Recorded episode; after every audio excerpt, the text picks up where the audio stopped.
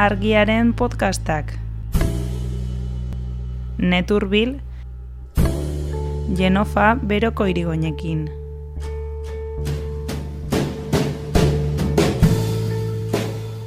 Beheunta behoita mar mila laborari azaroz geroztik New Delhi inguruan akampatzen negu giroan sindikatu batzuk kontatzen zuen uh, irurogeita mar laborari gutxienez hil direla hotzez. Ikaragahia da, hori gehitzen baldin badira greba mugimen, greba egunak nun beheunta behoita mar milioi uh, laborari eta langile lotu diren grebari janai ez da sekulan alakorik ikusi ez munduan ez ez historian zehar, e, greba jahaituena da.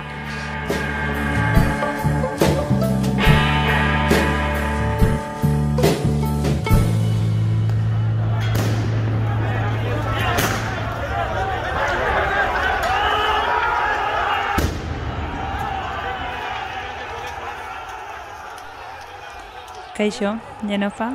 Kaixo, egunan.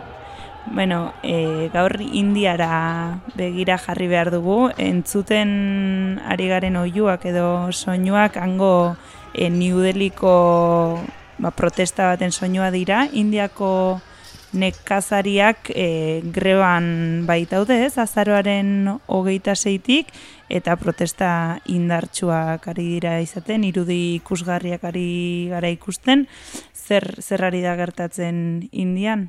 Bai, hori da. E, indian ari da gertatzen e, laborariek eramandako mugimendu sozial e, ikaragarri jendetsu bat eta indartsu bat azaroan hasi ziren, azaroaren ogoita seian egin zuten e, edo behintzat guk egun hortan nukan ginuen haien mugimenduaren behiz, egreba eguna zuten laborariak eta baita langileria klasekoak ere juntatu ziren aiei, eta greba hori behiun eta behoita mar milioi uh, laborari eta langile lotu ziren.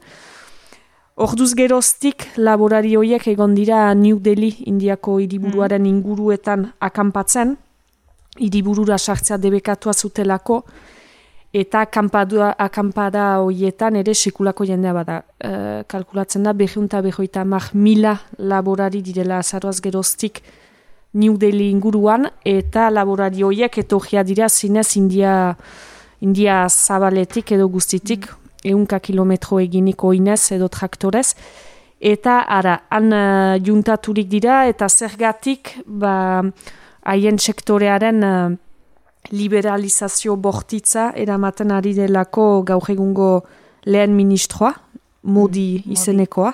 Hori da, bera bara, eh, eskuinekoa, nazionalista, ultraliberala, eta aldiuntan ba, laborariak ditu jomugan, eta laborariak ez dute onartzen uh, laborantzaren liberalizazioa. Eta horregaitik dira protestan, uh, ba, erabat determinaturik, eta ez dira deus lasatzeko mm. prest. Mm. Zehazki lege, lege konkretu batzuen kontrari dira e, agroindustriari eta pixkat e, beste industria handiago batzuei mesede eta nekazariei kalte egiten dienak, ezta? Bai, hori da, Indiako parlamentuak irailean pasazuen, uh, eh, pasazituen hiru lege eta hiru lege horiek kentzen dut dituzte orain arte zen uh, orain arte zen nahi bauzu gaur egun edo lege horiek arte laborariek egoizten zuten eta saltzen zuten ekoizpena behintzat presio minimo batek segurtatzen zuen. Hau da, hmm. merkatuan unbait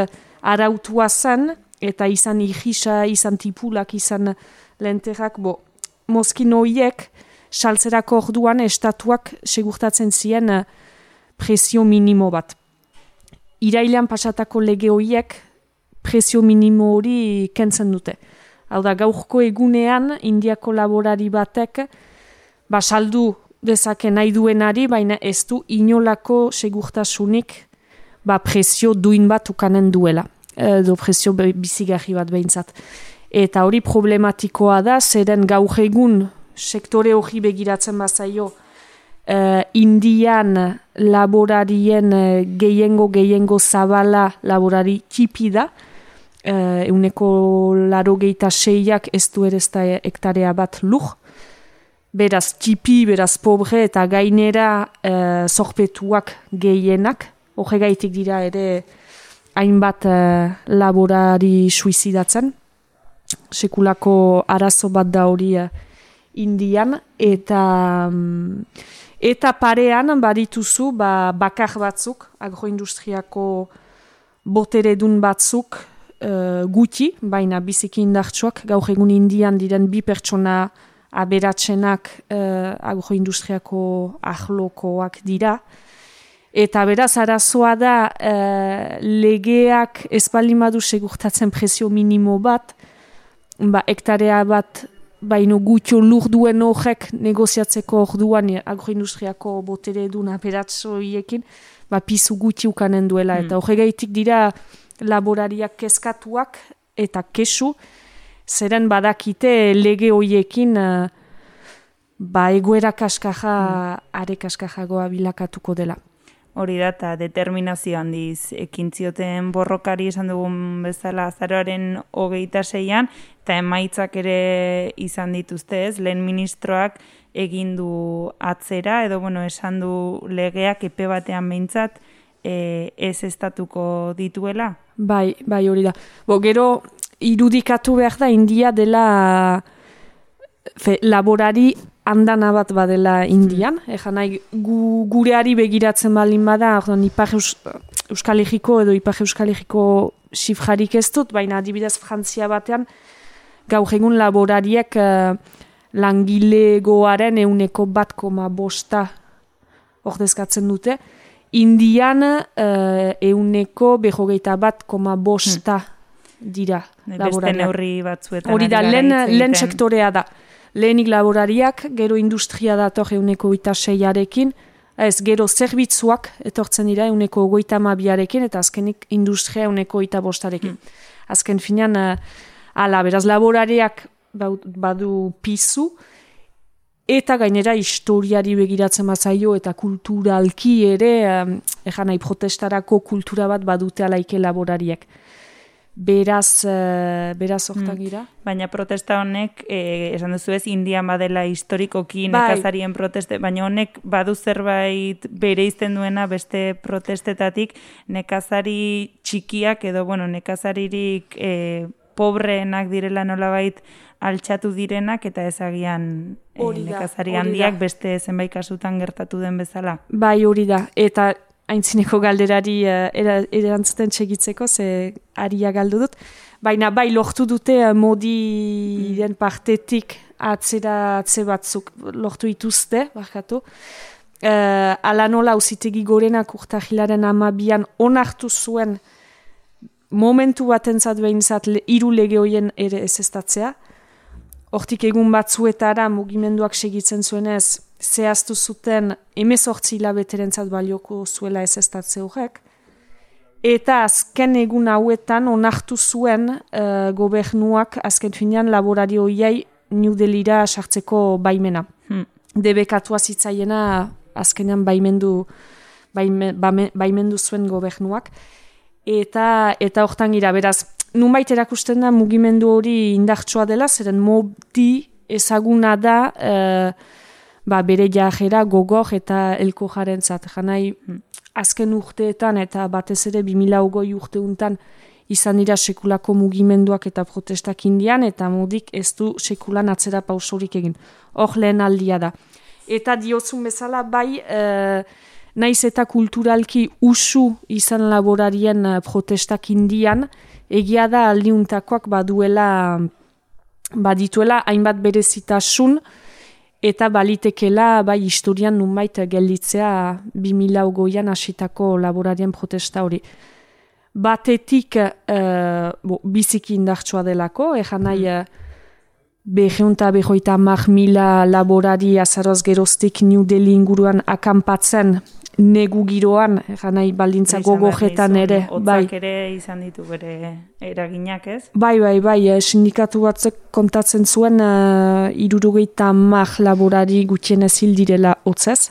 Beraz, baldintza horietan irautea eh, New Delhi inguruan behiunta behoita mar mila laborarik bat deia ikaragajia da, hori gehitzen baldin badira greba mugiment, greba egunak nun behiunta behoita mar milioi uh, laborari eta langile lotu diren grebari janai ez da sekulan alakorik ikusi ez munduan ez, ez historian zehar, e, greba jahaituena da. Eta beraz kantitateari begiratzeaz gain, begiratzen bazaio ba, mugimenduari edo mugimendua osatzen duten elementuai, egia da mm, ba, badituela berezitasun batzuk ere, eta adibidez bat aipatzekotan, aipatu daiteke nola langileak ere lotzen ari diren mugimendu hori. Jana, New Delhi inguruan den akampada leku hortan, badira laborariak gehien bat, baina gerozta gehiago agertzen dira ikasleak, langileak, langabetuak, baztertuak, bo, ari da olako anistasun uh, gune bilakatzen eta anistasun hortatik uh, hmm. ba, bojokarako elementu behi batzuk agertzen dira. Borroka ezberdinak batzen, ez? Bai, bai, bai, bai, bai, eta begiratzen baldin hori da, eta adibidez zu urtahiluntan uh, erizainek egin zuten greba, eta zehaztu zuten argiki greba hori kokatzen zutela laborarien aldahikapenen multzoan ere, bankuaren sektorekoek ere greba zuten zerbitzu publikoaren alde, eta hoiek ere deitu zuten mugimendu orokor baterako ba, bojokara. Eta beraz egia da ari dela hor gertatzen langileria eta laborarien arteko aheman bat eta horrek ekar dezakela gauza interesgarri bat uh, indian, mm. bai. Bukaeran diozu ez, momentuz herritarren babesa badutela laborarien protesta hauek eta...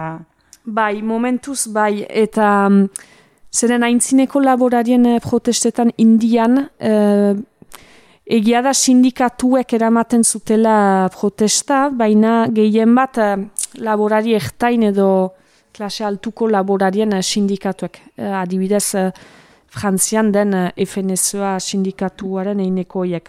Azkenean laborari handien mesedetan ari diren sindikatuek eramandako protestak ziren, baina aldiuntan haiek ez dute mugimenduaren kontrola. Hau da, hau, hor gertatzen ari dena oinahitik partitua da, eta laborari tipi pobrek dute eramaten eta erabakitzen. Eta numait horrek ekartzen du ere, ba beste sektoreetako prekarizatu, pobre txikiak, hmm. mm, ba interesa badutela mugimendu hori lotzeko. Hori ere da behitasun bategia da. Orduan, orai ikusi beharko da elkartasun hori edo nola ze, ze norabide hartzen duen, zeren uh, urta hilaren no, goita seitik geroztik gauzak okertzen ari dira, uh, modiren gobernuak eta komunikabide handiek sekulako propaganda zabaltzen uh, dute laborari horien kontra, ejanez terroristak direla, ejanez musulmanek uh, integraturiko, infiltraturiko mugimendu bat dela. Hoitara behar da, eh? modi dela nazionalista bat, hinduista, mm. eta musulmanen kontrako diskurtso eta neuhi bortitzak bideratzen dituela. Eta beraz hori da, ala, mugimendu hori zikin zen, e, azaro urtahilaren oita seian New Delira sartu ziren laborariak, egun hortan ospatzen zen Indiako konstituzioa, eta lortu zuten, ba, iriaren bihotzera sartzen sekulako egepresioa jasan zuten, laborari bat hil zen eta laureun bat eh, kolpatu izan ziren. Eta orduz geroztik egia da ba, propaganda hori e, biderkatu dela, egepresioa biderkatu dela, e, sekulako atxiloketa kantitate handia bada, laborariak atxilotzen ari dira, leporatzen zaie matxinada kriminala bideratu izana, hilketa saiakerak egin izana, bosekulako, eta ikusi behar da propaganda eta egepresio horren eh, parean, hmm. elkartasun horrek eh, ea segitzen duen, edo eta segitzen badu ze forma hartzen duen, edo iziturik gelditzen den, bo ikusiko da, baina egia da, egia da biurgune batean direla, eta eta ikusiko da. Gobernu ere hasi dela bere kartak jokatzen nola baitez, esan duzu urtarriaren hogeita sei hori izan zela egunik, borroka honen egunik markatuena, Bai. eta, eta protestak New Delhi erdira eraman zituztena, ez? Bai, bai, hori da, hori da. Uh, azaroaz geroztik izan dira, nunbai gobernua eta laborarian artean izan dira bilkura batzu negoziatzeko. Ea, bon, laborariak argi dute, hiru lege horiak kentzen ez direno, ez dira geldituko. Eta gobernuak alakorik ez du nahi, baina behintzat bilera batzu baziren, urtahilaren oita seiaz geroztik, New Delira sartzeko erabaki hori gauzatu dutenez geroztik ez da gehiago negoziaketarik eta da ege presioa da nagusi. Hmm. Bai, Eta une honetan, e, akanpatuta jarraitzen dute nekazarien New Delhi inguruan, akanpaleku horre jarraitzen du, bai, bai uste dut gero egia da eta hori da beste elementu bat aski kezkagarrian nunbait e, ez da baitez bada informaziorik angertatzen ari denari buruz. Eta nire mm, artikuluan konparatzen nuen, ze konparagarri da eh, estatu batuetako Washingtongo kapitolioaren eh, hartzeari. Egan nahi, izan urtahilaren oita seian New Delhiren bihotzera sartu direnean eta gotorleku gohia izeneko monumento historikoa okupatu dutenean, edota otsailaren, eh, otsailaren baterako finkatua zuten parlamentura sartze hori, janai horiek konparatu daitezke estatu batuetan gertatu behi diren Mm. eh, irudiekin. Estatu batuetako kapitolioaren hartzea aipatu da etengabe. gehiegi edo nik ez dakit baina aipatu da eta aipatu dugu denek. Eta egia da indian gertatzen ari dena naiz eta gauza bera izan, gauza bera ez aldiuntan justizia sozialaren uh, mezuarekin eta eskubiden aldeko mugimendu bat da, estatu batuetan ez bezala, ana eskuin mutu jazen eta supremazista suriak. Baina aldiuntan ez da ipatzen eta egon naiz begiratzen justuki goizuntan eh, ea otsailak bateko parlamentura sartze hori nola iragantzen, eta ez dut deus, deus, deus atseman. Beraz, ez dakit egin ahal izan duten, ez dakit eh, nola pasa den, ez da informaziorik, eta hori ere problematikoa da, zeren, eh, zeren txekulako mugimendu bat ari da gertatzen indian, eh, indian, eh, janai, gu ere indiari lotuak gira, zeren, eh, zeren laborantza haindute azkaja eta mundu mailan alaike esportatzaile nagusi dira hainbat uh, zerealetan, hainbat baita behi haragian ere uste dut, janai unkiagira nahi edo ez, eta, eta justizia sozialaren eh, mezua zabaltzen ari dira, baina ez da ipatzen beraz, Mm. ez dakit eh, ikusiko da, Olakotan behar da begiratu Bia Kampesinaren uh, webgunea edo haien txade sozialak. Bia Kampesina da mundu mailako sindikatu bat laborari tipien sindikatuak biltzen dituena. Adibidez gure N edo ELB bertan dira. Baina haiek ere onokoan ez dituzte azken egunetako behiak uh, zabaldu, beraz ez dakitze azki. Sanguratsua da, ez? Estatu batuetako eta kapitolioko berriak etortzen zaizkigu nahi gabe ere entzuteko aukeran, eta berreunda berrogeita mar milioi nekazari batu diren borroka baten berriak, ba, interneten ere topatzen kosta egiten dela, ba, ematen du, zer Bai. pentsatua, ez? Bai, bai, bai. Gero milioika laborari horiek liberalizazioaren kontrako bojoka batean dira, eta estatu batuetakoak eh, ba, eskuin muturreko mugimendu batzen, beraz, eh, pentsatzen dut interneteko handiei eta komunikabide handiei liberalismoaren kontrako mezoa zabaltzea etzaiela interesatzen, en ustez bada oktarik ere, baina bai. Beno, ba, guk ate txiki txiki bat zabaldu diogu eta argiako irakurlei behintzat eman diegu e, borroka honen berri izateko aukera eta nahi duenak ba, saltxeatu dezala gehiago eta, jarraituko dugu harretaz ez zer gertatzen ez esan dugu oraindik akanpatuta eta protestan Bai. jarraitzen dutela indian. Bai, bai, bai, seituko dugu. Albezain bat. Hori da, ba, eskerrik asko jenafa. Mila esker zuri. Agur. Ja.